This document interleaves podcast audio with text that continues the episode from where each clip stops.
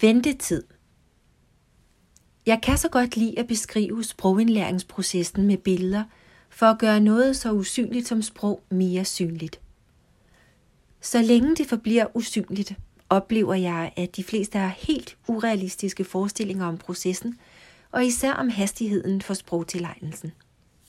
Så i forlængelse af mit sidste billede med byggepladsen som ramme for opbyggelsen af sprog, vil jeg tilføje, at der selvfølgelig også er en bestemt parallel allegorisk rækkefølge i sprogprocessen, hvor man først bygger, så maler, så indretter, for sidenhen med årene at ommøblere på ny.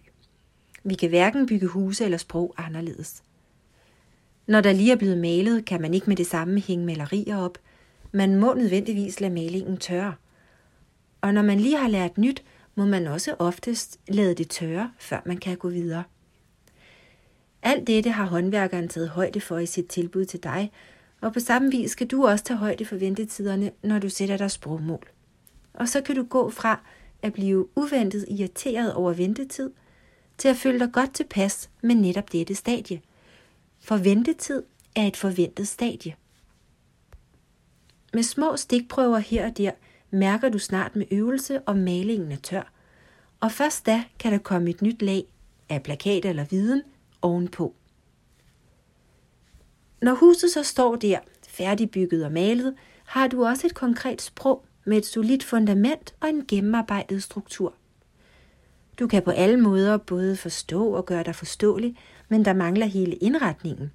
Det er for de fleste ret hyggelige projekt, hvor man tager stilling til, hvordan man kan lide at udtrykke sig.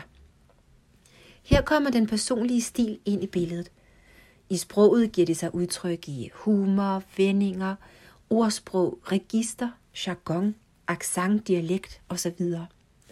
Og selv når alt står færdigt og klart, mægtigt og skinnende, vil vi altid kunne reparere lidt hist og pist, og på samme måde dykke dybere i ordenes dybde og bredde.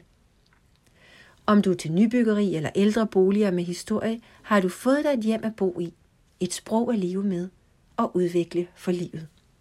Sprog er for livet.